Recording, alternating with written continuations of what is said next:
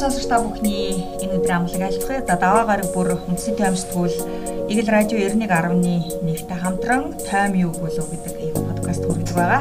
За бид энэ удаагийнхын дугаар таймс тгүүлийн шинэ дугаар буюу 469 дахь дугаарт багтсан онцлог нийтлүүдийн талаар танилцуулах болно. Ингээд таймс тгүүлийн эрхлэгч ган гэрэл, томч, нийтлэлч бацаахан нар студиуд хүрэлцэн байна. За энэ удаагийн дугаараа онцлог нийтлийг бол бацаахан маань бичсэн байгаа. 100 жилийн намжлал гэсэн гарчиг анхаарал татж байна л да. Юу өгвөл вэ бацаахан? Энэ нийтлэл болох тэр одоо их хурал дээр одоо энэ хаврын жуулганаар хилцэх гэд хүлээж байгаа шашны сашин соёлын өвд нөхөн олгох тухай хуулийн төслийн онцолж бичсэн байгаа.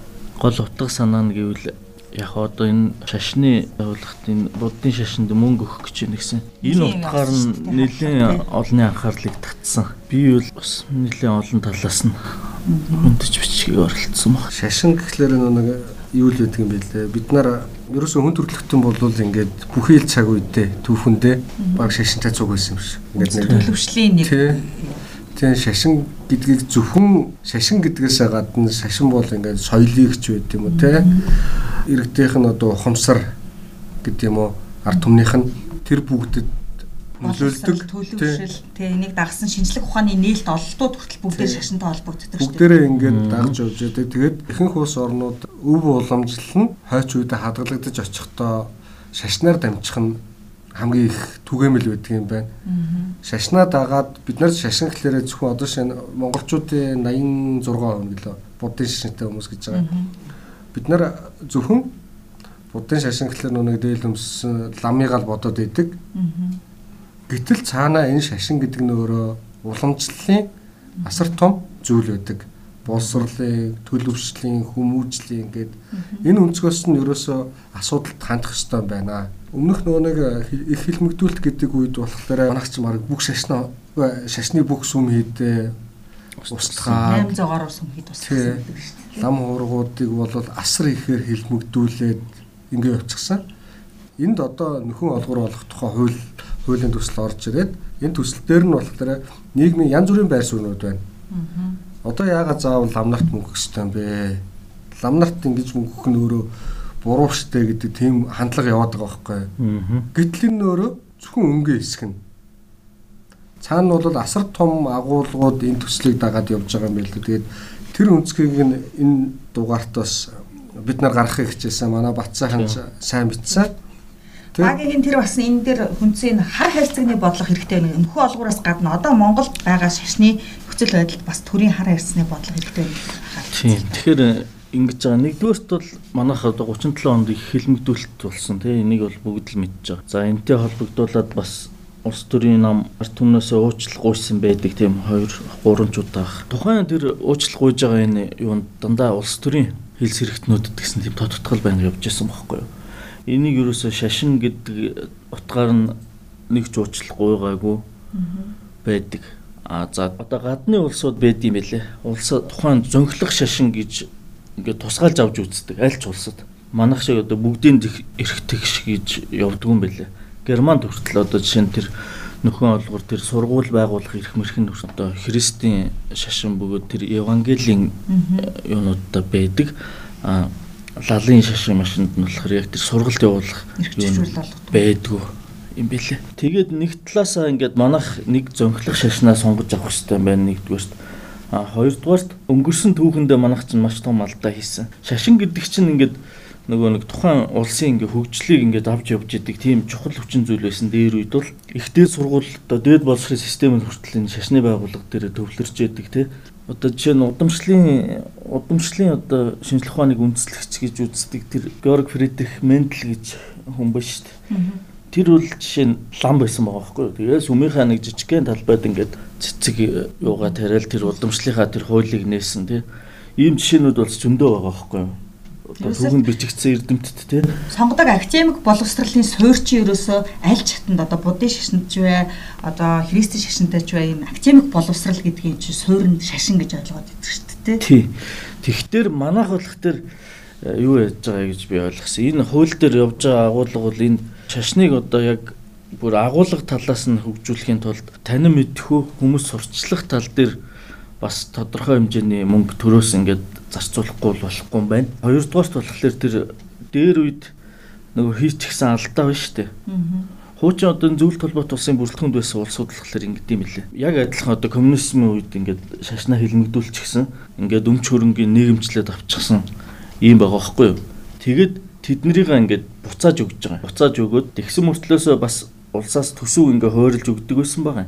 А тэгээд 12 онд зөвхөн Чехийн жишээн дээр аваад үзэхэд тэр хураагдсан газар сүм хийд эднэрийг ингээд буцааж өгж байгаа хгүй. Тэгээд дээрэс нь тодорхой хэмжээний устдаж алга болсон одоо хөрөнгөний мөнгөөр тооцож үнэлээд ингээд үцхэд тэр буцааж өгж байгаа улсад хадгалагдж байгаа хөрөнгө нь устгасан гэж нөхөн төлбөрөөр өгж байгаа мөнгө хоёр нь ингээд тэнцүү байгаа байхгүй баг 50 50% тийм үү а манайх болох тэр ер нь баг юм үлдээгээгүй шүү дээ бүгдийг нь одоо устгаад шатаагаад хайсан. Одоо чинь тэр Чехэд бол тэр улсын мэдлэлт ингээд авцсан ч гэсэн тэр сүмэн ингээд байж байгаа байхгүй. А тэрийг сүм шилжүүлэх асуудал яригч байна. А манайх болох тэр тэдрийг ингээд бүгдийг буцааж сэргээж барих ч юм уу тий. Биднэрт одоо хийх ажил их байгаа байхгүй. Илүү их хөрөн мөнгө зарцуулах шаардлага байна тий. Маш их буруу юм хийсэн байгаа. Тэгэхээр энэ тал дээр аваад үзэхэд энэ хууль бол зайлшгүй гэж би харж байгаа. Үнэхээр зайлшгүй юм байна. Хоёрдугаарт энэ үндэсний аюулгүй байдалтай холбоотой асуудал. Улсуудыг одоо ард түмнийг тэг шашнаар нь ингэж хагалж бутрагадаг тийм технологи ингээд гараад ирчихсэн. Тэр нь олон улсад тушигдчихсан. Тэгэхээр энэ нь одоо шашны олон янз байдал бол үндэсний сул талд болдог тийм цаг үе болчихжээ. Тэр байтугай исламын шашинтай мөртлөө доторх урсгалаар нь хүртэл хагалсан тохиолдлууд одоо баг шүү дээ. Зөндөө Иракч байдаг юм уу? Шашнаар хагалсан бол Югослави Арабын холбооны улс гэдэг том улс задарсан шүү дээ. Тийм. Одоо ерөнхийдөө энэ Сауди Арабын толгойлцсон нэг эвсэл байгаа шүү дээ. Эн чинь ингээл эн тэндтэй ингээл хийгээл яваад шүү дээ. Им им им. Энд ч ерөөсөө шашны тэр юу нь явж байгаа. Одоо Ираныг ингээд бас бус улсууд ингээд яв хаагараал явж гин гэдэг чинь бас л цаанаа тэр лалын шашны нөгөө шиит. Шиит сүни. Сүнит. Тий сүни гэдэг. Урсгалын чиглэлүүл яваад байгаа юм л та. Тэгэхээр манад Монголд ингэж байна. Судалгаагаар 67 төрлийн шашин байдаг гэж байна тийм болно уу? Урсгал урсгал гэж шашны урсгал тийм үү? Урсгалууд тийм. Тэгээд анархизм гэдэг нэг юм чинь яваад шүү дээ. Анархистууд чинь нөгөө төрөөс өөрсдөө нөгөө нэг ер нь л утгатнаа ойлгомжтой шүү дээ. Тэгээд тий шашныг ингээд зохиож нөхдөд зохиогоод хин ч гисэн ингээд өөрсдийнхөө Одоо солонгосууд том жишээ нь шүү дээ. Хэрэгсэн янз бүрийн урсгал нодлон коронад хараадаг нөгөө ямар нүлээ шинэ сүм билүү. Тий. Тэгээ эн чинь хамгийн гол нь Христ бол одоо жишээ нь юу вэ? ертөнцийн эзэн гэдэг нэг хүн тгүүлж जैन тийм үү? Тэрний бүх заавар зөвлөгөөг дагаад ингээ явуу гэж. За мүүних гээд манахаас нэг хэсэг ингээл жисэн. Сургаалыг ингээд аваад үцгэр дандаа нэг тийм үнэхээр бас нэг үүсгэж болохооргүй юм дээр ингээ суурилсан байд. Зэвэн одоо жишээлбэл тэр мүүних гэхт чинь ингэж байгаа. Хүн бол сүнс юм аа А хүний бие бол зүгээр энэ орчлонд төр ирээд буцахтаа хэрэгэлдэг тэр хувцас маягийн зүйл юм а тий. Аватар юм ба шүү дээ тий. Тийм учраас хүний яг жинхэнэ тэр оюун санааг эзэмдэж байгаа тэр хүн л тэр хүний жинхэнэ эцэг а энэ хорвоод байгаа ээж аав хоёр чинь болвол зөвхөн одоо чиний энэ биеийг бэлтгэж өгсөн тийм хүмүүс юм аа. Аа тэгэхээр зүгээр яг уу ач санах нь бол зүүн хэрэг боловч энэ хоёр хүн бол тэгж актер шүтээд байх юм бол биш ээ. Гэх жишээний ингэж явдаг гэж байгаа. Би энийг бол бүр яг тэр цуглаанд нь явж исэн хүнээс бүр сонссон байна. Энд дээр нэг ийм юм байгаа маа. Манай энэ үндсэн хуулиар болохоор шашин шүтэх эрхийг ямар шашин шүтгэхийн шүтгэхгүй байх эрхийг хүн болгонд олгочихсон. Тэгээ энэ дээр манай сэтгүүлийн энэ дугаараа онцлох нийтлэл болохоор аль нэг шашныг бол ингээд үгүйсгсэн агуулга бол байхгүй. Бүхэн дуртай шашнаа шүтгэж болно. Шүтгэхгүй ч байж болно. Гэхдээ зөнхлөх шашин гэдэг зүйл дээр л асуудал яригдаад байгаа. Одоо энэ нөхөн олгорын хууль их хурлд ороод ирэнгүүт асуултууд гарч ирсэн байхгүй юу? Буддын шашин соёлын уламжлалыг дэмжихэд ингээд мөнгө олгоё гэдэг агуулгатай хувь шүү дээ. Ингээд ороод ирэнгүүт эсрэгээр хүмүүс яагаад хэрэгсэн шинд мөнгө өгч болохгүй яагаад одоо шин исламын шин бусад шинд ингээд мөнгө өгч болтго тэгвэл бүгдэнд нь өгье гэдэг асуулт тавьж байгаа. Гэтэл энэ хууль маань өөрөө нэрнээсээ ахуулаад нөхөн олгор гэдэг агуулгатай. Энийг бодлоо. Тийм, хэлмэгдсэн. Энд дээр Бацаахны онцлог нийтлэлийг дагалдуулаад яг Монголын буддын шашны нөхцөл байдал ямархуу байгаа талаар Монгол Улсын сургуулийн философи шашин судлалын тэнхимийн доктор Янжин сүрэн бас аа Янжин сүрэн тийм яг судалгаанд суурилсан тийм э, нийтлэл бичиж өгсөн байгаа л да манай энэ дугаард. Тэгээ энэ дэр байгаа зарим тоо баримт бол бас анхаарахын аргагүй. Одоо нөгөө хилмигдүүлэлтүүгээд За ламнараагаа ус хилмэгдүүлээд дээрээс нь сүм хийдэ устгаад ингээ явж хахад ийм баримтаа байхгүй. 1944 оны 100 Америкийн нэгдсэн улсын дэд ерөнхийлөгч Хенри Варс манай оронд айлчилсан юм байна. Гэтэл энэ энэ үед ямар сүм хэд мөргөлийн ганц сүм хийдэг болсон. байхгүй болсон байсан. Тэгээд энэ тэнд байсан нөө нэг нурсан устгасан сүм хийдээс энэ тентхийн материал цуглуулж хагаад нэг сүмтэй болоод тэр нь өнөөгөө одоо одоо гандангийн эхлэл болсон ч гэдэг юм уу. Дээрэс нь одоо ламдрын тоо анхны хүн амын тооллогоор 105 мянга 100 гаруй мянган ламтай 600 500 хэдэн мянган хүнтэй Монгол улсын нийт иргэдийнх нь одоо 6-ны 1 гэсэн үстэй лам байсан. Гэтэл энэ хүмүүсийг ингээд шахаад байхгүй болгоод лам гэдэг нь өөрөө шүү дээ. Энэ хүмүүсийн эрхэм далзыг илмэгдүүлсэн. Тийм учраас зөвхөн энэ будын шашинд энэ нөхөн олгор олох нь зөв юм аа. Соёл уламжлал гэдэг агуулгаас агуулгадлаа бас бодох ёстой гэдэг зүйл байгаа. Энэ дээр үндэсний номын сангийн судлаач нэм очрын хэлсэн нэг үг бас анхаарал татаад байгаа. Ер нь хилмигдүүлсэн хүнийг ингээд мартуулахгүй тэр хилмигдүүлэлтийг дахин давтуулахгүй гэж байгаа зүйл бол магадгүй тэр хүмүүсийн гомдлыг тайлах. Ер нь маш өргөн агуулгатай бол энэ бол би ингэж харсан. Тэр хилмигдүүлсэн тийм үү? Тэр алдаа гаргасан. Энийг нэгдүгээр засаж залруулж байна. А хоёрдугаарт энэ шашны энэ олон шашин чинь ингээд нөгөө зөнхлөх шашин гэж байхгүй болоод ирэхээр л дэрсэлдээд эхэлдэг тийм үү. Тэгэхээр бид хэд одоо яг нэг зөнхлөх шашин гэдгийг төрөөс нэг зохицуулаад нэг нэгийг нь одоо сонгож авах тийм цаг үе ирсэн юм шиг байна. Тэгэж сонгож авахдаа одоо монголчуудынхаа одоо соёл тий оюун санаа энэ дорны бид нар чинь дорны соёлтой арт юм шүү дээ. Тэгэхээр тэнд тохирсон тийм нэг нь сонгож авж байгаа юу энэ turning point тэр эрэлтийн цэг дээр ерөөхдөө ирж байгаа юм байна гэсэн тийм ойлголт төрж байгаа яг тэр хуулийн төслийг ингээд уншаад үзэхэд бол энэ дугаарт бас энэ хуультай холбогдуулаад гандэгчлийн эдийн гавж намзад барьчтай хийсэн ярилцлага. Энэ дэр ахаад нэг юм байна. Ахаад нэг санаа штэ. Ташны зориулсан хөрөнгө оруулалт гэдэг зүйлийг ярих хэрэгтэй байхгүй. Хөрөнгө оруулалт мөнгө хаанаас орж ирээд байна? Аха.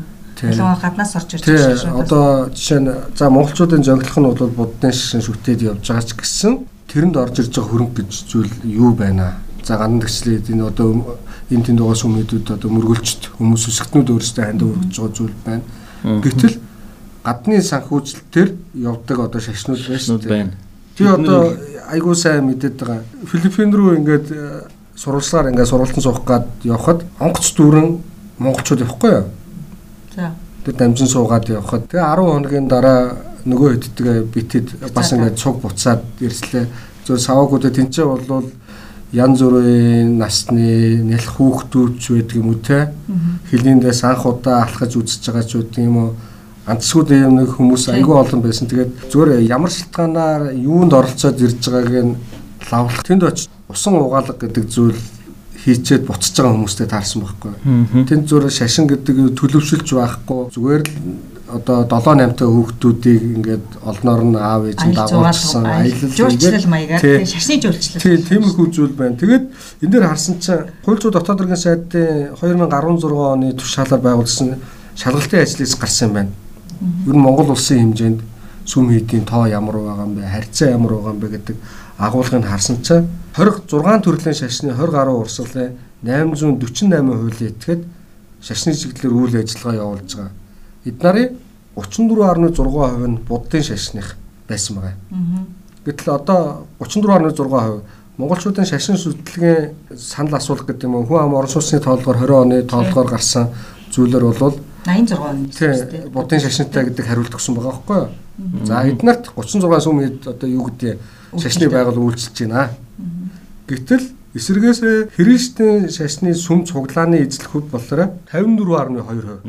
Тэгэхээр энэ бол цаана санхүүгийн одоо тэнцвэртэй бус байдал байна гэдгийг л тий гадны одоо энэ дэр чи нэг хэлсэн цент тулганы ард нэг ашиг байгаа гэдэг. Бага тий.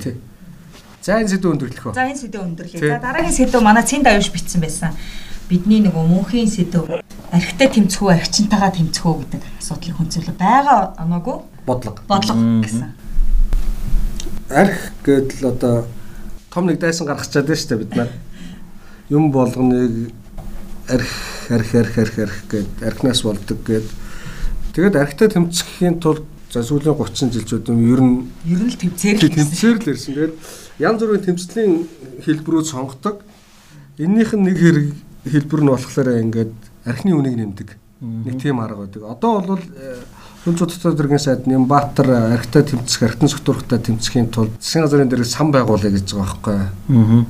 Одоо сан байгуулаад эндээс нь ингээд архины үнийг нэмээд сангийн орлогыг тэндээс гаргаж ирээд тэгээд тэр сангаас буцаад архитаа тэмцэх тухай агуулгатай төсөл. Харахад уг нь зөв л юмшиг байгаа. Гэвтэл нөө нэг ямар ч хүн савн ямар ч ядуу хүн савнгийн мөнгө олддог л байхгүй тэгээд нөө нэг 25 дугаар сургалтын орсон талаар суулгын хэлсүүг байдаг. Ямар ч архичинд архины мөнгө олддог л байхгүй. Хоолын мөнгө олдох хөтлөл архины мөнгө олдсон байдаг. Энэ энэ дэр нэг жишээ байгаа. Хүү гойдоо архины үн нэмэгцэн аава та одоо архи ухаа баасган тийм ээ гэсэн чинь аав нь тэнэг минь бидний талхны мөнгө л хасагдана үстэй гэсэн санаатай. Гэтэ архитай ингэж тэмцэх нь өөрөө яг байгаа онж гэнэ үү гэдгийг бол манай зэнд аюуш бол байгаа оноогүй л бодлого. Яг л архины үнийг нэмэхэд архичдын тоо хязгаарч буурдаг. Тий. Энэ бол явсан зам шүү дээ. Бидний одоо туулаад өнгөрсөн зам байхгүй юу? 90-ад онд үлээ. Энэ нь өөрөө нүг стандартын арх чанартай бүтээгдэхүүн гэдэг чанарыг доошлуулж доошлуулна. Аль бол нөгөө нөгөө хорддог тий. Роял спирт гэж найруулаад зардаг байсан одоо тэрлүгэл буцсан шүү дээ. Сая ингээд архийг зүгээр ингээд сая ид тоног хаалаа да. Тий. Архины хэрэгтлээ багассан уу? Багасаа. Бүр эрэлт үүсгээд. Эрэлт үүсгээд юу байсан? Яг энэ нь ингээд манай цэндээ өөр баян онгорх. Баян онгор амир. Тэгээд баян онгорын нэг сум юу яасан юм байна л да. Архины архихгүй сум болсон. Архихгүй сум болоод бүр сумынхаа хэмжээнд сумын хэмжээнд өдөр болгон зарахгүй гэсэн үг. Өдөр болгон зарахгүй. Сар болгоны нэгэнд бид нар хариулдаг шүү дээ. Тэсээд байгаа ч гэдэг юм уу арх авахгүй байгаа шүү дээ. Тэр шиг сумаар нь ингээд баг бүтэн жил архихгүй явуулж үтсэн байна л та. Тэгээ тэнд архил багасна. Багасаагүй. Багасаагүй. Олон шүү дээ. Харин архийг хаанаас олсон гэхээр нөгөө дэлгүүрүүд нь шагийн ч гэдэг юм уу нууцаар зарсан. Тэгээ нууцаар зарсан архины хэрэглэн багасаагүй архины үнэн өсөөд магадгүй энэ нэг саяын жишээ болгосон хүүгийн талхнаас л багассан. Гэтэл эргээд за энэ байдал манд болохгүй юм байна гэд жилийн дараа хоригоо цуцлсан байна л да сумын шиг дарга сумын иргэдийн хурал гаргасан шийдвэр өцлөө засаг дарга одоо ингээ гэж зөвшөөрлөө мөвшөөрлөө гэдэг юм болсон. Архин буугааг. А тэгээд тэр шагийн үнээрээ тогтцсон. Тийм л асуултаа байна. Тийм. Тэгэхээр ялва юмыг ерөнхийдөө хааж боож бол үнцэн гэж бол Канадаас үлдсэн бид нар шүү дээ Америкийн хураа уулын үед чи яалаа те жинхэнэ нөгөө нэг алга хүчрхийл мафч цэцгэлсэн шүү дээ. Маф цэцгэлээд одоо болтол тэр юу өгшил нь яваал шүү дээ. Тэгээ архитаа болоо тэгээд одоо хүмүүсээ ажилтаа болгоч гэдэг юм уу те арх хух завгүй болгох ч гэдэг юм те. Боловсролтой болгох, аяар хух завгүй ядуурлаас ядуурлаас гаргаж иж гаргаж иж тэмцэх баг. Гэтэ бас тэрнээс архиа жижигхэн савлгаатай болгоод ч гэдэг юм уу хатуулгыг багасгаач гэдэг юм уу үнийг нэмэж гэдэг юм уу хүн уухаа өрвөл олоол уучсан. Тэгээд энэ төслөөр бол нэг шил архитны үнэн дээр 200-аас 300 төгрөг нэмэгдэн гэж байгаа юм байна. Тэгээд хүнсний дэлгүүрүүд нь ч гэдэг юм уу архи үйлдвэрлэгчд нэмээд за нэг шил архитны үн 1000-аас 2000 төгрөөр нэмэгдлээ гэхэд архи аваад уучсан шүү дээ. Одоо ууж бол ахаал аваад уучсан. Яг хөө тэр хатуулаг багасгах гэдэг арга бол жоохон үр дүнтэй байж магадгүй гэж боддtiin. Яг хатуулаг багасгах дээр чи ингэж гэдэг байхгүй юу? Сая харж байна уу? Аль компани байсан вэ? Одоо компани нэр хэлээд яг нөгөө 18-аас доош хатуулагтай архингууд нь 17 градусаар 17 градусаар гээс гаргачихж байгаа байхгүй. Одоо энэ нэг юунууд байгаад байдаг шүү дээ. Жимстэй чимшиг пиавнууд гэдэг. Тэд нар чинь градус нь болохоор 1.9 градус байдаг байхгүй. Аа. Манай хуулиар юу байдаг гэхээр юу шүү дээ, тэ 2 градусаас дээш нь дурлах хундаа гэж оруулаад тооцчихно 1.9-гээ зарах ёстой. Энийг одоо би бас хэлмээр л байгаа. Сар болгоны нэгэнд бол тэд нарыг бол дэлгүүр зарах ёстой байхгүй юу? гэж хуулиар зөвшөөрсөн. 1.9 градустай үнэн л юм бол. Тэгэхээр энэ дээр аригтай мэдгүй градустай ч гэдэг юм уу юутай нэг гэх юм уу үнийг нэмээд бол аригталтай тэмцэхгүй баха. Зүгээр сан байгуулад тэндээс хүмүүсийг донтох өвчнөөс эмчилнэ өдр гэдэг юм ярихад энэ бол бас нэг тийм зөндөл юм байгаа шүү дээ. Тий. Тэгээд би саяны нөгөө хатуулаг багсаа. Энэ энэ зүгээр юунд найж байгаа гэхээр хүний нөгөө нэг нэг тийм тасан зохицдог юм байд штэ. Чадвар тий. Бид одоо жишээлбэл монголчууд юунд солонгост очиод ингээд эхлээд 10 шил сөөж уудаг гэж байгаа. Тэгээд ингээд нэг жилийн дараа болохоор яг солонгосчуудтайгаа адилхан нэг 2 3-ыг уугаал болчдөг гэж байгаа байхгүй яг одоо гэхдээ энэ бол яг мэдээж хэрэглээ бол багасгана. Гэхдээ тэр согтхыг бол багасгана гэж байхгүй шиг яг баг ууд согтдог болно тийм үү. Тэгэхээр тэр нь одоо ингээд цаашаа юу муугаар аваад үцхээр одоо тэр хүний самууруулж байгаа. Зөв зөкстэй хэрэглээ шилжих нь шүү дээ тий. Тэрийг одоо бодохоор хэцүү. Ер нь эдийн засгийн агуулгаар одоо ашиггүй байна тий. Тий Урдан үйлчлэн гэсэн үгөө. Жохо тасаад. Тийм улс оронд бол ашиггүй тийм үү. Энэ яг нэг цаг агаар магаар янз бүрийн болдог хөө өчнөөл нөлөө байдаг л үү. Ямарсан зүгээр архины үнийг нэмээд э, хүмүүс нэх архиухаа болчихгүй хаа л гэж бодож байна. За. За дараагийн сэдвт орох уу. Энэ их баялаг сэдв болох юм шиг байна. За сосорч маань уул уурхаан салбарыг шин шатанд авчих дөрөв үйлдвэрийн талаар хүнцэн байна. Тэгээ одоо зөвхөн олборлоо л тий түүхийгээр нь гаргаад ах уу Монгол цаашид юу яах юм? Нэгдүгээр одоо алтны алтсан шүүл үйлдвэр яригдж байгаа бах тий. Тий.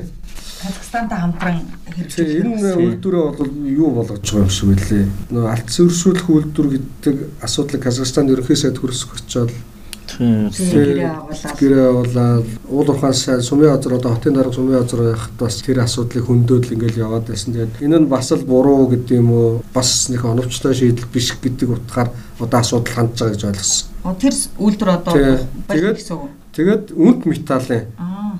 Гэт энийгээ бүр өргөжүүлсэн тийм том үйлдвэр барих гэж байгаа юм байлаа л те. Аа. Тэгээд энэ дөрвөн үйлдвэр гэдэг нь болохоор юу юм бэ лээ? Нефт аа. За. Алт саяын тэр үнд металл яг. Тэгээд нефт яг. Тэгээд дээрэс нүүрс баяжуулах үйлдвэр. А нөгөөх нь болохоор гангийн үйлдвэр. Тий. Гангийн үйлдвэр. Тий. Төмөрлөгийн үйлдвэр. Тэгээд энэ дөрөв дээр бол тээзүү техник эдийн засгийн үндэслэлт хөрөнгө оруулалт энэ төр зарим шийдэ байршлаа тогтоод явж байгаа юм байна. Тэгээд гол дүгнэлт нь болохоор манай уул урхаа хүнд үйлдвэрийн сайдын онтон болохоор манай улс экспорт 90 гаруй хувь нь оюуны болон технологийн багтаамж багтай бүтээгдэхүүн байдаг. Үүнийг өөрчилж олон улсын зах зээлд өрсөлдөх чадвартай боловсруулалтын төвшин өндөртөө нэмэн өртөг шингэсэн бүтээгдэхүүн дотооддоо үйлдвэрлэхэд анхаарал хандуулнаа л гэсэн байл. Одоо бид нар чинь дандаа түүхийгээр нь зис зарж ийн гэвэл дандаа баяжмал гаргаад байгаа шүү дээ. Бүх юм ингэ тий нүүрсээ түүхийгээр нь гаргаад идэг. Energy resource нэг жоох угааж гаргаж байгаа шүү дээ тий. Тэгээ ихэнх нүүрсээ ингээд түүгээр нь ингээд Тэгээ боловсруулах юм үйлдвэрүүд байгуулмаа гэдэг маань нэгдүгээр баялаг маань нэмэн үртэг шингэн дагаад үн цэнтэй болно ажлын байр нэмэгдэн тий энэ зардал багасна тий э, юу яаж штэ цар тахал чинь одоо түүхэнд ингээд аваад үсгээр бас нэг хөгжлийн нэг шинэ үе шатыг эхлүүлдэг тийм юу байд юм байна. Тэгээд улс орнууд ер нь хандж байгаа хандлага нь ч гэсэн яг ийм байна. Нэгэнт одоо цар тахал болоод ингээд мөнгө цаас зарцуулаад тий ингээд явж байгаа юм чинь одоо унж байгаагүй бол тэр зэгт нь унгаад хаяад ирээдүйд одоо явах үйлдвэрүүдэд аваа шинээр бий болгоё гэдэг. Алсын хараагаа тодорхойлж. Алсын хараагаа айгуу нэ шинээр тодорхойлж байгаа. Ийм бас нийтлэг юу байна.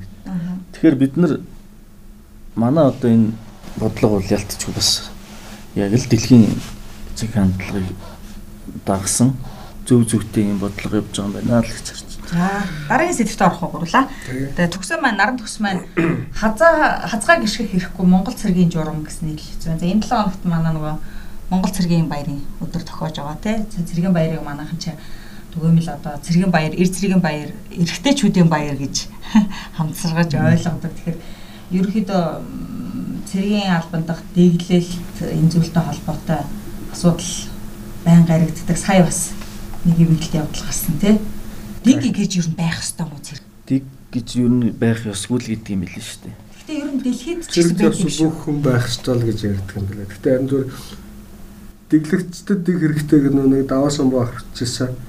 Зүгээр дэг нь өөрөө ямар байх вэ гэдэгтэй л байгаа юм шүү. Хийх ажилгүй одоо би ингэж сонсч байсан. Хил дээр бол дэглэлт харьцангуй бага байд юм аа. Яагаад тэгэхээр нөхдүүд хийх ажил байна. А дотоодын цэрэг биш үү? Ардын харим. А тэнд бол дэг хэтрээд идэг гэж тэр чинь нэгсэндээ юу гэхээр хийх ажил нь байхгүй байна л гэж надад хэлжсэн цэргийн хүн хэлжсэн л да. Тэгэхээр энэ надад бас үний юм шиг санагд. Тэгэхээр тэр цэргийг одоо юу гэдгийг ажил мажилтайчлаа гэдэг талаас нь би бол бас дэмжиж харддаг шүү одоо ер нь цэрэг манай цэрэг цэрэгийн албаа хаагч чинь нэг жил нэг жил гэж байгаа те цэрэгт хүмүүжиж байгаа. Тэгээд социализмын үед чинь барилгын цэрэг ч гэдэг юм уу те радио холбооч гэдэг юм төрөлждөг шүү дээ. Одоо тийм төрөлжилт байт юм. Бага. Тийм барилгын цэргийн ангууд бол байгаа шүү дээ. Одоо цэргүүд маань бүр төмөр зам барьж шүү дээ. Тавьж байна. Тэгээ энэ дээр зүгээр төгсөөгийн хүндсэн нэг санаа болохоор за одоо ямар 100 гарч байгаа тэргийн одоо технологи гэдэг юм уу те тэр зүйл маань юу руу шилжиж байгаа байлээ. Одоо заавал өөрөө бөмбөг бариад гүгээд ажиж болох байх шаардлагагүй болчихлоо шүү дээ. Тэр дроноор агаараас бөмбөг чинь заавал онгоц биш дроноор тагнуулаач дроноор хакердж хакерч тэсрэг бөмбөг. Ер нь бүх юм ингээд технологи руу ингээд яваад идэг Манай цэргүүд болохоор жагсаалынхаа дэгтэй л. Тий, жагсаалын дэгтэй. Тэгэд энэ дэг нь өөрөө ингээд энэ дээр нэг хариуцлага цэргийн дэг байх ёстой гэж ярдгийн ангийн удирдлагууч гэдэг юм ингээд нуу дараад хүлэн зөвшөөрөөд ингээ яваад байдаг. Нөгөө дэг нь ихтэд цэргийн тоо гэдэг зүйл хүмүүс эцэг арга хэрэгнийг цэрэгт явуул хандлага гэдэг юм нь аягүй сонирм болцсон. Одоо энэ дэр нөгөө тусгай шалаа кино гарсны дараа цэргийн тоо ирсэн нэмэгдлээ гэдэг тэгсэн. Тэрний дараа ингээд янз бүрийн асуудал гарахад цэргийн тоо бол дандаа нэмэгцээр байдаг байхгүй. Гэхдээ яг бодит байдал дээр нэг сэтгүүлч бид нар сурвалжлага хийгээл явж байгаа чинь яг тэр киноны дараа бол хүмүүс үнэхээр зэрэгт явах туртай болсон. Залуучууд явъя явъя гэдэг. Одоо янз бүрийн юм цэрэг энтсэн, цэрэг осолдсон асуудлуудын дараа бол байхгүй болчдаг. Гэтэл бол цэргийн тоо нэмэгдсэн гэдэг зүйл ярьдаг. Яг тэгэхээр цэргийн тоо өөрөө нууц учраас нэмэгдсэн юм уу, хасагдсан юм уу, яасан гэдэг нь мэдэгддэг.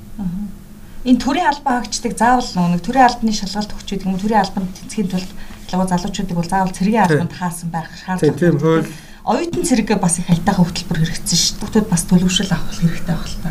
За дараагийн сэдвт орох уу? За. Шилэг төмөр нүүдлийн шуучиг төрийн албаа хаагчд гэжээ. Манай төрийн албаа хаагчд бүр шууд нүүдлийн шууд хавар намартаа нүүдэг бол манай төрийн албаагчд бүр төрийн албаа хаагчд бүр жилийн дөрөв улиралд бүр сар тутамд нүүсээр байгаа жишээ байна. Төрийн албаны тухай хуулийн шинжилсэн хариулга гаар батлаад одоо хэрэгжиж байгаа тий. Тэгээд төрийн алба бол тогтвортой мэрэг зарчинтай багаас нь ингээд яваа шатлан дэвших ёстой ч гэдэг юм уу. Альч нам альч засаг солигдоход ингээд төрийн албаагч бол ажиллаа хийж ин сайд ирдэг сайд буцдаг төрийн албаагч байх ёстой гэдэг зарчим үг нь үйлчлэх ёстой. Тэгээд манайх ч Японыг аягүй жишээ татаал ингээл явах туртай шүү дээ. Тэгээд тэр агуулгаар хууль хийгээ хэрэгжлээ гэдэг боловч төрийн албаны тухай хууль бол амьдрал дээр огт хэрэгждэггүй хуулийн нэг жишээ. Магадгүй зүгээр төрийн албанаас ингээд халагдаж өөрчлөгдөж чөлөөлөгдсөн хүмүүс шүүхэд гомдол гаргаад явах юм бол нөхөн олгор авах тал дээр л энэ хуулийн үйлчлэл байдаг гэж магадгүй. Тэ тэрнээс биш төрийн албанд яг тогтвортой ажиллаад за дунд шатанч гэдэг юм уу доод шатанд бол асуудал байхгүй баха. Газрын дарга, хилцээний дарга гэдэг юм уу тиймэрхүү албан дээр болохоор төрийн алба сонгуул болгоны дараа солигддог. Одоо бол бүр нэг намын засаг өөрчлөгдөх болгонд ингээд төрийн авч солигдоод байгаа байхгүй. Сая энэ юу яасан хөрсөхийн засгийн газар огцроод оюун эрдэнэ засгийн газар байгуулагдсны дараа авилгатай тэмцэх газарт ашиг сонирхлын зөрчлөө мэдүүлсэн одоо төрийн ашиг сонирхлын зөрчлөө мэдүүлсэн хүмүүсийн тоо эрс нэмэгдсэн гэж байгаа байхгүй. Ерөөсөн чи засгийн газар холигдоод 100 юу гэдэг вэ? Сарч болоог байгаа юм. Сар болцоо одоо 45-аад онж байгаа бах тий. 40. Тэгээд эн чинь өөрөө юу харуулад ашиг сонирхлын зөрчлөө мэдүүлж гин гэдэг нь бол энэ бол албан тушаал тавигдах гэж байгаа юм. Одоо жирийн албаа хаагч биш сонирхлын зөрчилтэй хэсгийг хянуулах гэдэг нь шүү дээ. Тэр ямар нэг ажил албан тушаал томилогдно л гэсэн үг л тийм. Тэгэхээр энэ тоо бол эрс нэмэгдсэн байгаа. Энэ шинээр Тэгэхээр нэг намаас хуучин болвол одоо нэг намаас нөгөө нам засгийг ирэх шилжихэд төрийн энэ албаа агчдын 198 мянган албаа агчийн хөдөлгөөнч асар их болдог байсан бол одоо нэг намын засгийн газраас нөгөө намын засгийн газар шилжихэд дүрдэл хөдөлж байна. Дээрэс нь одоо өмнөх танхимаа удахад өмнөх засгийн газараас маш олон гишүүн энэ засгийн газарт одоо үргэлжлүүл ажиллаж байгаа ш. Тэрсэн хэрнээ л өөрчлөлтүүд ингээд өрнөд идэг. Сайд нь хэвээрээ байгаа энэ ингээд аюу сонирхол юм байлаа л да. Шилэг бас юунуудыг тавьсан байсан. Өдөртөх сонгон шалгаруулалт нь ингээд орж байгаа ингээд жишээнүүдэд тавихад ингээд өмнөх засгийн газарт сайд хийжсэн хүн дээр шинэ засгийн газарт сайдаар үлрэлж байгаа шүү дээ. Тэгсэн мөртлөө ингээд хөдөлгөөнүүд яваад л байгаа юм байна. Тэгээд юм өөрчлөгдөх болгонд за эвслийн засгийн газар байгуулагдахаар ингээд э, тэр эвсэлд орсон намуудын хооронд зөвшөөрлөл явуулдаг тий. А тэгсэн чинь тэр нь одоо жишээ нь засгийн газараас агентлагт очиод бүр агентлагийнхаа ахлах мэрэгчлэлтэн рүү очсон гэдэг ярьсан хүн байгаа шүү дээ. Одоо тэгсэн чинь нөгөө нэг намуудын хооронд явдаг зөвшөлтсөл чинь нам доторх парагц дотроо явдаг болоод тэгээд төвшин доошлоод. Бүр илүү доош тэрийг л мэдэхгүй нэг яг гарч ирсэн баримт бол ахлах мэрэгжилтэн хүртэл явдаг гэдэг нь бол энэ дэр дахиад нэг дээр үед чи одоо бүр сургуулийн захирлыг хүртэл дээрээс томилдгийг гэлээ гэсэн юу явдаг байсан шүү дээ хүмүүсийн дунд ам яриа. Энэ дээр чи айгүй тийм сонин сонин өнцгүүд бас гарч ирэх юм лээ төрийн албан дээр гээд. За ингээд чи сая хэллээс чи фракцууд хоорондоо ингээд зөвсөлч ингээд явж байгаа үнэн. Үнэхээр л тэгж байгаа тийм. Тэрний үнийг тэнд аваач өмнөх сайдын тэр үнийг тийшээ шилжүүлээч гэдэг юм уу тийм.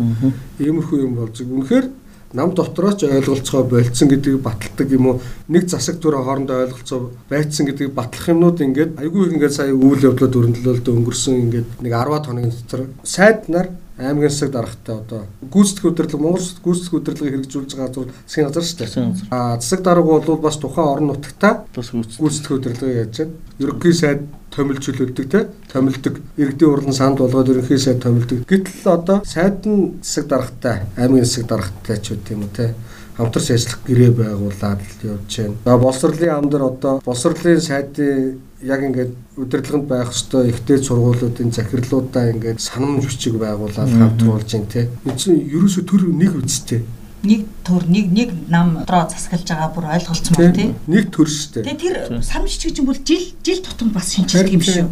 Одоо түрүүний сасрын энэ тэр нэг уул уурхаан юм дээр ч гэсэн бас гангийн үйлдвэрлэл дээр аймаг нь үйлдвэрийнх нь эрдэнтийг түшиглээд гангийн үйлдвэрлэл байгуулна гэхэд аймаг нь тэр газрын асуудлыг шийдэж өгөхгүй байна гэдэг асуудал бас гарч ирж байгаа. Энд чинь нөгөө нэг эрх ашигаараа ингээд зөрчилдсөн. Заавал тэр одоо жишээ нь тэнд байгаа фракцийн эрх ашигыг одоо хангаж өгөхгүй бол тэр юу явахгүй ч гэдэг юм уу ийм бас амар хардлага үүсгээд байна шүү дээ тийм үү. За энэ өөр юуны хувьд одоо фракцийн хувьд тэгвэл өөр юу вэ? Нөхдүүдийн гарт байгаа юм байна гэсэн ойлголтыг шууд төрүүлээд. Одоо ингээд ийм л байхгүй одоо бүр ингээд айгүй инээдс шигээр яг за ажил олгоч. За би ажил олгоч байлаа. За чи ажилтаа. Хоёлаа гэрээ бай хөдөлмөрийн гэрээ байгуулад ингээд ажиллаа явж байна те. Гэтэл дээрэс нь за чи тойм сэтгүүлд нийтлэл бичих хэвээр. Чамайг тойм сэтгүүлд нийтлэл бичүүлэхийн тулд хоёлаа санамж бичиг ахиж байгуулах бол болчиход байгаа байхгүй. Яг үнэ. Тий. Ингэж явж болохгүй. За. Тий. За дараагийн сэдвтэ орох уу? Дарсны терроризм. За та ярьсан дээр баг тий. Дарсны терроризм гэх юм л да. Франц э, улс шүү дээ. Франц гэдэг улс бол дарсны үйлдвэрлэлээр би энэ тоо баримт харахын өмнө бол Франц дарсны үйлдвэрлэлээр дэлхийд тэргүүлдэг байх гэж бодсон чи үгүй мөлий Итали тэргүүлдэг. Гэхдээ Франц бол ерөөсө Францын соёлыг бол э, э, дарсны соёлтой холбож ойлгодог өөрсдөө ч бахархдаг ерөөсөл манай үнцэн Франц дарс гэдэг бол үнцэн гэдэг. Тэгээ би энэ энэ нийтлэлээр болохоор одоо бидний сайн мэддэг бүргэнди чиглэлээ бордо гэсэн мөнтэй дарс биш. Лангтеп гэдэг мууж байдаг юм байна Францад. Энэ болохоор хайрцангуй одоо ус үзмийнхаа сортноос болдог байх л да. Хайрцангуй хямд дарс үйлдвэрлэдэг. Үнтэй бордо ч гэдэг тийм дарс биш. Хямд одоо эдгээр өөрсдийн тодорхойлт бол одоо зүгээр л жирийн ажилчид, хар ажилчид те тарихчтай зориулсан даас арай хямдхан дарс үйлдвэрлэдэг тийм мужи гэдгийг сүүзэн тарж ургуулдаг юм мужи гэдэг юм л да. Энэ мужийнхан бол нэлээ тэмцэгчд яадаг уу гэхээр хөрш Испаниас нь сүүзэм оруулж ирээд Испанд ажиллах хүч илүү хямдхан байна л да. Тэнгүүд хөрш оруулж ирээд нөгөө түүхийгээр нь гаргадаг нүүрстэй адилхан Испаниас хямд орс оруулж ирээд Францад нэрээд үйлдвэрт нэрээд тэгээ Франц дарс гэж гаргадаг эсэргүүцэж маш их чагсаал цуглаа хийдэг тэр компаниудын боловсролдог аж ахуйн нэгжүүдийн сүртэгдэг тийм үзэгдэл байн гардаг. За тэгээд Алжираас бас хямдхан дарснууд орж вино орж ирдэг юм байна бүр тэр 60-аад 70-аад оны үед одоо Франц Франц ч одоо Алжирыг колоничлж ирсэн шүү дээ. Тэгээ Алжираас хямдхан дарс орж ирэхэд тэрийг бас эсэргүүцээ тэр тэмцэл хөдөлгөөнд баг 20 жил үргэлжилсэн тийм зүйлүүд бас юм байна. Одоо ч гэсэн үргэлжилж байгаа. Тэнгүүд Лангдогийн дарс бол хизээч одоо бордоч гэдэг юм тийм үнэтэй дарсны үнд хүрдэггүй. Тийм болохоор эрх ашиг нь бас тариаланчт нь бага. А тэнгууд засгийн газраас нь санал тавиад аль болох тариалгынхаа талбайг багасгаад дарсныхаа чанарт анхаарад нэрлэлтэндээ одоо өөр технологи арай үнэтэй сайн чанарын дарс хий гэдэг юм уу тэр талд нь одоо засгийн газраас нөхөн олгор олгоод ингэ явж байгаа юм байна. Тэнгүүд тарилгын талбайг багасгаад ингээд үр ашигтай одоо манайхаар бол малынхаа тоог цөөлж үр ашиг чим авдаг дээ. Тэр шиг дарсныхаа ингээд тарилгангаа багасгаад ингээд үр үр ашигтай арай илүү дарс үйлдвэрлэе гэсэн зарим нь бол тэр санаачлага хүлээж аваа тарилгынхаа талбайг багасгахаар тэгсэн таричтайгаа очиж нөгөөдөл чинь юмын сүтгэхэд талбайг шатаагаад ингээд дотооддоо юм зөрчил үүсээд ингээд байгаа юм байна Тэгсэн чинь газар талд ямар нөхцөл байдал одоо Франц Францын дасчдаг жоохон болох гэдэг л да. Тэр хэд хоорондоо ингээд л хөрштөөгөө нүдэлцэл ингээд л идэг. Тэгтэл одоо дарсны зах зээлийн шинжээчд бол шинэ аюул ирж байгаа. Энэ юу гэхээр хятад дарсаа хятадын дарс одоо энүүхэн энэ ойрхон өвөр Монголд Ниши мууж гэдэг өвөр Монголтой залгаа юм бэлээ. Би баг Ашагийн улсыг хүрээлгцсэн юм. Тэнд болохоор ерөөсөө 80-аад оны сүүлээр 9 цөлд усан үзэм тариалаад эхэлсэн. Одоо 2011 онд Веноны дэлхийн хамгийн том наадмаас тэргүүн шагнал юм. За за манай хажууд нүгэд ирсэн юм шүү дээ. Хятадууд бол хятадын дарс гэдгийг бол хүн хизээч яадгүйсэн чи одоо хятад гэдэг шинэ аюул дарсны зах зээл гарч иж байгаа. Тэг хятад улс чи хамгийн амжигтай дарсны хэрэглээгээрээ импортороо дарсны ерөнхийдөө хүн амынхаа дарс хэрэглээгээр дэлхийд номер 1 гэдэг юм. Хүн амын тоноос шалтгаалах байх л да. Тэнгүүд одоо хятадууд нэг эхлээд өөрсдийнх нь дотоодын дарсанд итгэдэг байсан бол одоо итгэж эхэлж जैन те тэр сайн дарс үйлдвэрлээд ингээд эхэлж जैन тэгэхээр нөгөө Франц ч Итали ч бид нартай маш том өрсөлдөгч гарч байгаа. Тэгээд нөгөө нэг хоорондоо ягаад дарсны терроризм хийгээд бие бинийгаа сүтгэхэд ингээд идэг лангдог мужид дотоод хөрөнгө оруулаад эхэлсэн. Унсан аж ахуйн нөхцөлд хуралдаж байгаа. Ийм терроризм одоо хиттийн зөөлөн хүчний бодлого бас дарсны салбарт явж гин гэсэн ийм зүйлийг хүндсэн юм аа. Даусруу маань урлаг болон орчин үеийн бүжгийн талаар хүндсэн байсан тий. Тий үүсэл ер нь яагаад ч үеийн үеийн гээд байгаа бүжиг гарч ирсэн гэдгийг тэгээ энэ талаас хүмүүс уншаарай. Тэгээ энэ уламжлалт бүжигийн урлагаас бол нэг юм анхаарал татсан шүү дээ. Уламжлалт урлагаас бол өвөрмөц гадж сонин гэж тодорхойлогддог ч гэсэн уран бүтээлчд нөмсөх хувцас үсгэзэгтэй анхаарч үйл хөдөлгөөнөө цэгнэж ингэж тэ гойлж гангалах тийм шаардлага байхгүй. Аа өртөөл үзүүлэх үзүүлбэртээ анхаардагараа бас их онцлог юм аа гэсэн зүйл байсан. За, спортын болонд бацаахан маань эмэгтэйчүүдийн спорт мөхөө гэдэг сэд. Токиогийн олимпиад трансгендерүүдийн олимп болно гэдэг нэг. Тийм. Яг уу энэ мөххүүгээд гарчигтай боловч мөххүүгээр шин нэг ангил бас үүсэх хөлбөр байгаа байгаа юм байл. Тэр нь юу гэхээр энэ трансгендер эрэгтэй байж байгаад хүүсээ солиулсан тамирчид эмэгтэйчүүдийн спортод өрсөлдөж одоо маш өндөр амжилт гаргах тийм цаг үе ирсэн юм байна. Америкт э, сая Жо Байден гэдэг шинэ ерөнхийлөгч сонгогдлоо. Энэ нөхөр оюутны спорт трансгендерүүдийг оролцуулах тийм зөвшөөрсөн тийм ер нь бол энэ хүүсийн ялгуурлан гадуурхалтыг байхгүй болгох гэсэн хууль зарлиг гаргасан. Тэгээ тэр дотор нь тийм агуулга орчихсон. Тэгээд одоо яг дунд сургууль оюутны төвшөнд тэмцээнүүд трансгендерүүд орж ирж ялангуяа одоо халз тулааны төрлийн спортууд оролцож байгаа нь ингээд нийгэмд бас ийм талцал үүсгээд яванда мужууд нь бас тэр хуулийг эсэргүүцэж гэнэ гэдэг маань нэгсэндээ нэгдсэн улсын ерөнхийлөгчийн зарилгийг тэр мужууд нь дүнгүй болгож гэнэ гэдэг чинь бас нэг үндэстнийг хуваагдахад хүрэж гэнэ гэж дүгнж бас болох бах тий нэг асуудал төр ч гэсэн. Гэхдээ тараас гендрүүдийг оролцуулах бол миний хувьд эмэгтэй хүний хувьд бол бас хэцүү шүү дээ. Одоо тэр өмнөд Африкийн гүүгч байдаг шүү дээ. Кастерсын юм аа. Семеня. Семеня ч юм. Баха яалтчгүй харахад хэрэгтэй юм шүү дээ. Тэр хүн бол яг олон улсын дээр бас гайгүй гадаг. Олон улсын олимпийн хороон дээр э, нөгөө энэ тестостерон гэдэг юм ин хэмжээ дааврын хэмжээг нь дааврын хэмжээг нь хэмжээд нэг э, юу гаргацсан байдгийм байлээ. Гэхдээ эмэгтэй хүн ч одоо ингээд дундаж 1 литр 4 ммл гэдэг чинь тэгээд дээд хэмжээг нь 10-аар ч хөлөө тогтооцсон гэдэг чинь бас л нөхдүүдэд боломж олгоцсон л юм юу байхгүй. Тэгээ сая эрхлэгчээ хэлж байгаа тийм гүйлтүүл гайгүй нөгөө халц толон толооны спорт дээр арслан барсгал юмнууд байдаг. Ер нь эрэгтэй хүн ингээл эмэгтэйчүүдийг зодоод байна л гэдэг чинь л тэр шүү дээ. Харин тий. Одоо зөвшөөрдөг газар нь хуулийн зөвшөөрөлтөөр тэнд хүчирхийл явж байгаа гэж. Одоо энэ Аманда Ньюнес гэдэг энэ холимог тулааны одоо хамгийн шилдэг эмэгтэй тулаанч гэдэг шүү дээ. Эн чинь л нэг удаа ялагдчихсан гэж байгаа. Тэрийг тайлбарлагч нь хүртэл нөгөө эмэгтэйлэг байх та гэж яриад. Тэр яалтчгүй одоо эрэгтэй шиг болцсон. Яалт Тэгээд ихнэр авчихсан хүүхэдтэй болцсон. Өө за за. Сая энэ амралтын өдөр болсон толон дээр чинь ихнэр нь гарч ирээд хүүхэдтэйгээ ингээд дивжин дээр баярлал ингээд байж байгаа байхгүй. Тэгээд яг хуу ингэж байгаа юм байлээ. Одоо энэ 17 мужи одоогор энэ байдны шийдвэрийг эсэргүүцэж байна тийм үү? Явандаа ингээд яваад тах тэр шин нэг тийм хүүсийн трансгендерүүд зөрөөс одоо спортч эрэгтэй эмэгтэй гэж төрлөө шүү. Одоо тэгвэл дундаж хүүс гэсэн төрөл нээх хэрэгтэй. Аа яг үнэн дундаж хүүс гэдэг угаасаа нэгд завстрал мострал хүртэл нэг тийм пассвортын дээр нэгээ бичээд өгчдөг болцсон юм билээ шүү дээ тий. Одоо ингээ зүгээр ингээл нэг интернетээр юм хайгаад ингээл нөгөө нэг өөрийнх нь датаг оруулахад чинь л эрүү юм уу та хүүсээ оруулах нөхөд дундаж гэдэг шиг олимпиад ч гэсэн спортод ч гэсэн тийм хүмүүс оруулмаар л юм байна. Тэгээ өмнөдөө шудраг бус байгаа. Эмэгтэй хүн чинь тэгэл зодуулаад эрэгтэй эрэгтэйлэг хүнтэй уралдаад байна. Санд л байгаа ч уралдах нь бол одоо байж болох гэдэг байгаа шүү дээ. Одоо шатар тоглох ч байт юм уу те. За. Тийм нэг асуудал. За. За, ингээд сэтгүүл маань Матар. Оо, матарт юу орсон? Октын үзлэг гээд манах бай. Манай матар чи битсэн байгаа. Мурдок гэдэг хүн бичдэг манай матрыг нууц нэрээрээ. Тэгээ энэ зүгээр нэг октын үзлэг гэдэг юм бацаахан сонирхдаг байсан уу? 10 жилд байхад шилжилтийн насанд байх та. мэдгүй манай ингээ октуудыг ингээл үзнэ гэдээ л аваа явцдаг сургууль явж. Тэгэл бид нар тэр хооронд нь октын үзлэгтэй өдөр болвол тэгээд юу үздэг бол яадаг бол гэсэн тийм бодолтой. Тэгээд зарим нэг нь мэдээлэлтэй нэг тиймэрхүү л байдгаас байхгүй. Одоо том жишээ нь шүү дээ. Агшин гэдэг кино үүдэг шээ. Манай энэ октын үзлэг дээр болохоор яагаад энийг үүссэн санааг нь би харсан л та. Юу гэхээр сая нөгөө нэг харилцаа холбоо мэдээлэл шууд. Тийм тэрний дарга маань аймаг бүрээс 30 охин код бичдэг болгоно гэдгсэн байлээ. За тэгэхээр тэр чи одоо охин гэж тодтогсныг бодоход эмэгтэй хүн гээгөө штэ. Аа. За нэг үзлэгт оруулахаар байна л та. Охин гэдгийг заавал За. код Тийм. хэрэгтэй.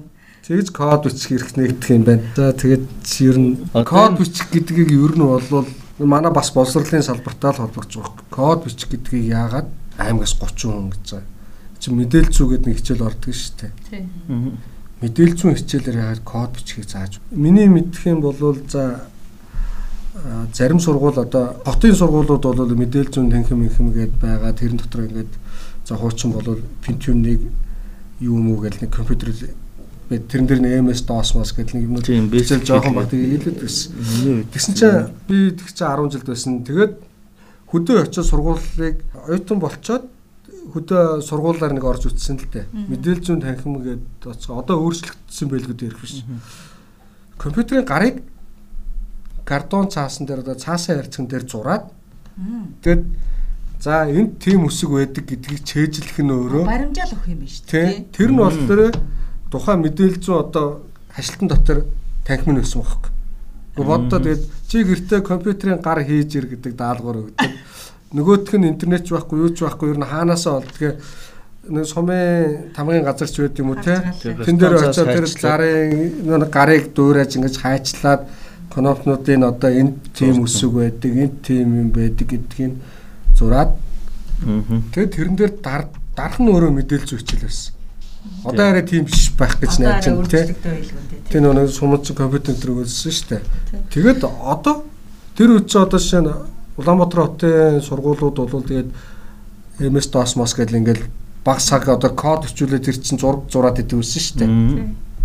Тэгэхэд манай цахим Монгол хөтөлбөрийг одоо гардан хэрэгжүүлж байгаа тэр э, том агентлаг 30 хүүхдийг аймаг болгоноос 30 Охин уу? хүүхдийг 30 охиныг код бичдэг болгоно гэдэг зорилт тавьж байгаа нь өөрөө бас Энийг бол ерөнхий боловсролынхаа том зорилт шиг санагдаад байгаа. За за. өөрчлөлт оруулаад шийдчих болох юм. Энийг бас бодвол ч тэгээ дээрээс нь заавал охин байх хэрэгтэй гэдэг. нэг юм хэлчихв. Нөгөө юу штэ. Энэ одоо яг гендер талаас нь аваад үзэхэд энэ жоох мэдрэмж э, чухал юм байлээ. Хэрвээ одоо жишээ нь саяны энэ шийдвэрийг ингээд аваад үзэхэд за саяны бүх шүүмжлэлтүүдийг орхиод за үнэхээр одоо энэ улсын хэмжээнд энэ код бичдэг хүмүүсийн дунд эрчүүд нь хит давмгалтсан тэр тийм нөхцөл байдал байдаг бол энэ бол бас зөв гэж би хэлэх гээд байгаа. Яг тэр одоо нөгөө мэдээний өрөө гэж байна штэ. Мэдээний соёл гэдэг энэ редакцийн орчин үеийн яг стандарт юунууд нь ямар байд юм бэ гэдэг юм би бас нэг нийтлж чахтаа үзчихсэн. Тэгсэн чинь орчин үеийн энэ редакцийн мэдээний өрөө чинь тухайн улсынхаа онцлогийг шингээсэн байх хэрэгтэй гэсэн ийм юм явд юм байл шүү. Одоо жишээ нь эмэгтэйчүүд 50%, эрчүүд нь 49%, тэ эмэгтэйч нь 51%. Аа тэгээд дээрээс нөгөө нэг үндэсний Тамирчтай яснууд шүү дээ. тараас дээр тамирчт манайх. үндэсний ясны трансгендер тэнд нэг байх хэвээр. Аа тэгээд одоо нөгөө олон үндэсний ястам шүү Тэг дээ. арьс өнгөөрөө байх. одоо тий гадаадд бол тий хар бас тэнд байж ах хэвээр гэж Тэг хар байхгүй л хараад чи тэмцээд эхлэх шүү дээ. Тий. Тийм юм байна те. Тий. Тэгэхээр Одоо манайх бол одоо үндэсний цөөх гэж байгаа өөр шашин бүр илт юутай одоо баяуулгийн казах иргэдээ бол манай дээр байдаг л Байхгүй шүү. байхгүй те. тий. Энэ мэдрэмжл ерөнхийдөө бас чухал гэж би бол харж байсан шүү нэр. Тэгээд сая энэ охид гээд тэрэн дээр чинь одоо гендер гэдэг зүйл ярихлаарэ Эмэгтэй хүний эмэгтэй хүний асуудал яригдээд идэг. Тэр нь өөрөө хүртэл заавал ингээ хүүс цаагаад дээрээс нь заавал охин байхын заагаад тэнд яад нэг эмэгтэй хүн охин биш зүгээр бүсгүй хүн яагаад сурж болдгоо те. Тийм нэг ялгарлал байна. Дээрээс нэр имээр нь ялгаж байна. Ер нь одоо цэргийн баяр болох гээд байна. Бас чин хүүсийн асуудлыг өндөгч шүү дээ. Чин бас нэр эмгтээчүүдих болох гээд байгаа те. Үгүй онцгой ковсын шийдвэрийг хүртэл гэж яриад л шүү дээ. Мартыг чөлөөтэй тэмдэглүүлж байна. Яагаад цэргийн баяр төгөхөөр караоке хааж байгаа бэ гэсэн гомд гарсан биш шүү. Чи ерөөсөө эрэгтэй эмгтээнд хандж байгаа хандлага нь өөрөө аюу сонир болчихсон байна. Би сайн нэг юм ингээл ярьжсэн нэг хүн юу ярьж гисэн За эмэгтэйчүүдэд хандж байгаа ингээл хандлагын талаар ингээд одоо эмэгтэй хүн гэх юм бол за одоо өөр хүнтэй явах юм бол завхаа амч гэдэг юм уу. Эрэгтэй хүнийг бол ингээд за энэ бол бас гоё үдцсэн бахархалж гэдэг юм уу. Тэр өнцгөөс ингээд амар олон асуудал ярьлаа. Гэтэл яг нөгөөдгийнх нь эсрэг тал дээр нь ингээд тавиад үзэн штэ. Тэгэхээр бас эрэгтэйчүүдийг арай л дэнд үздэг юм зөндөө өгдөг юм билээ л дээ. Одоо ингээд бодё. За бид нар ингээд нийтийн саунд ингээ орцгоож илаа. За Батцайхан андуураад э, эмэгтэй саунд руу давхиад орлоо нүцгэн бөө хүүхнүүд рүү яваад орлоо. Чи бол нөө гаж донцоо. Шалаар нэг явж шүү. Тий, чи бол байхгүй болно. За. Лавгаач. Эрэгтэй саунд руу андуураад явлаа. Ирчүүд болвол энэ бүсгүй андуурчтай яасан сайхан бүсгүй вэ гэж ингээл огтох байхгүй. Тэгэл эн чинь бас хандлага юм байлээ л те. За за ингээ одоо бүр сүултээ хамаа намаагүй юм яриад.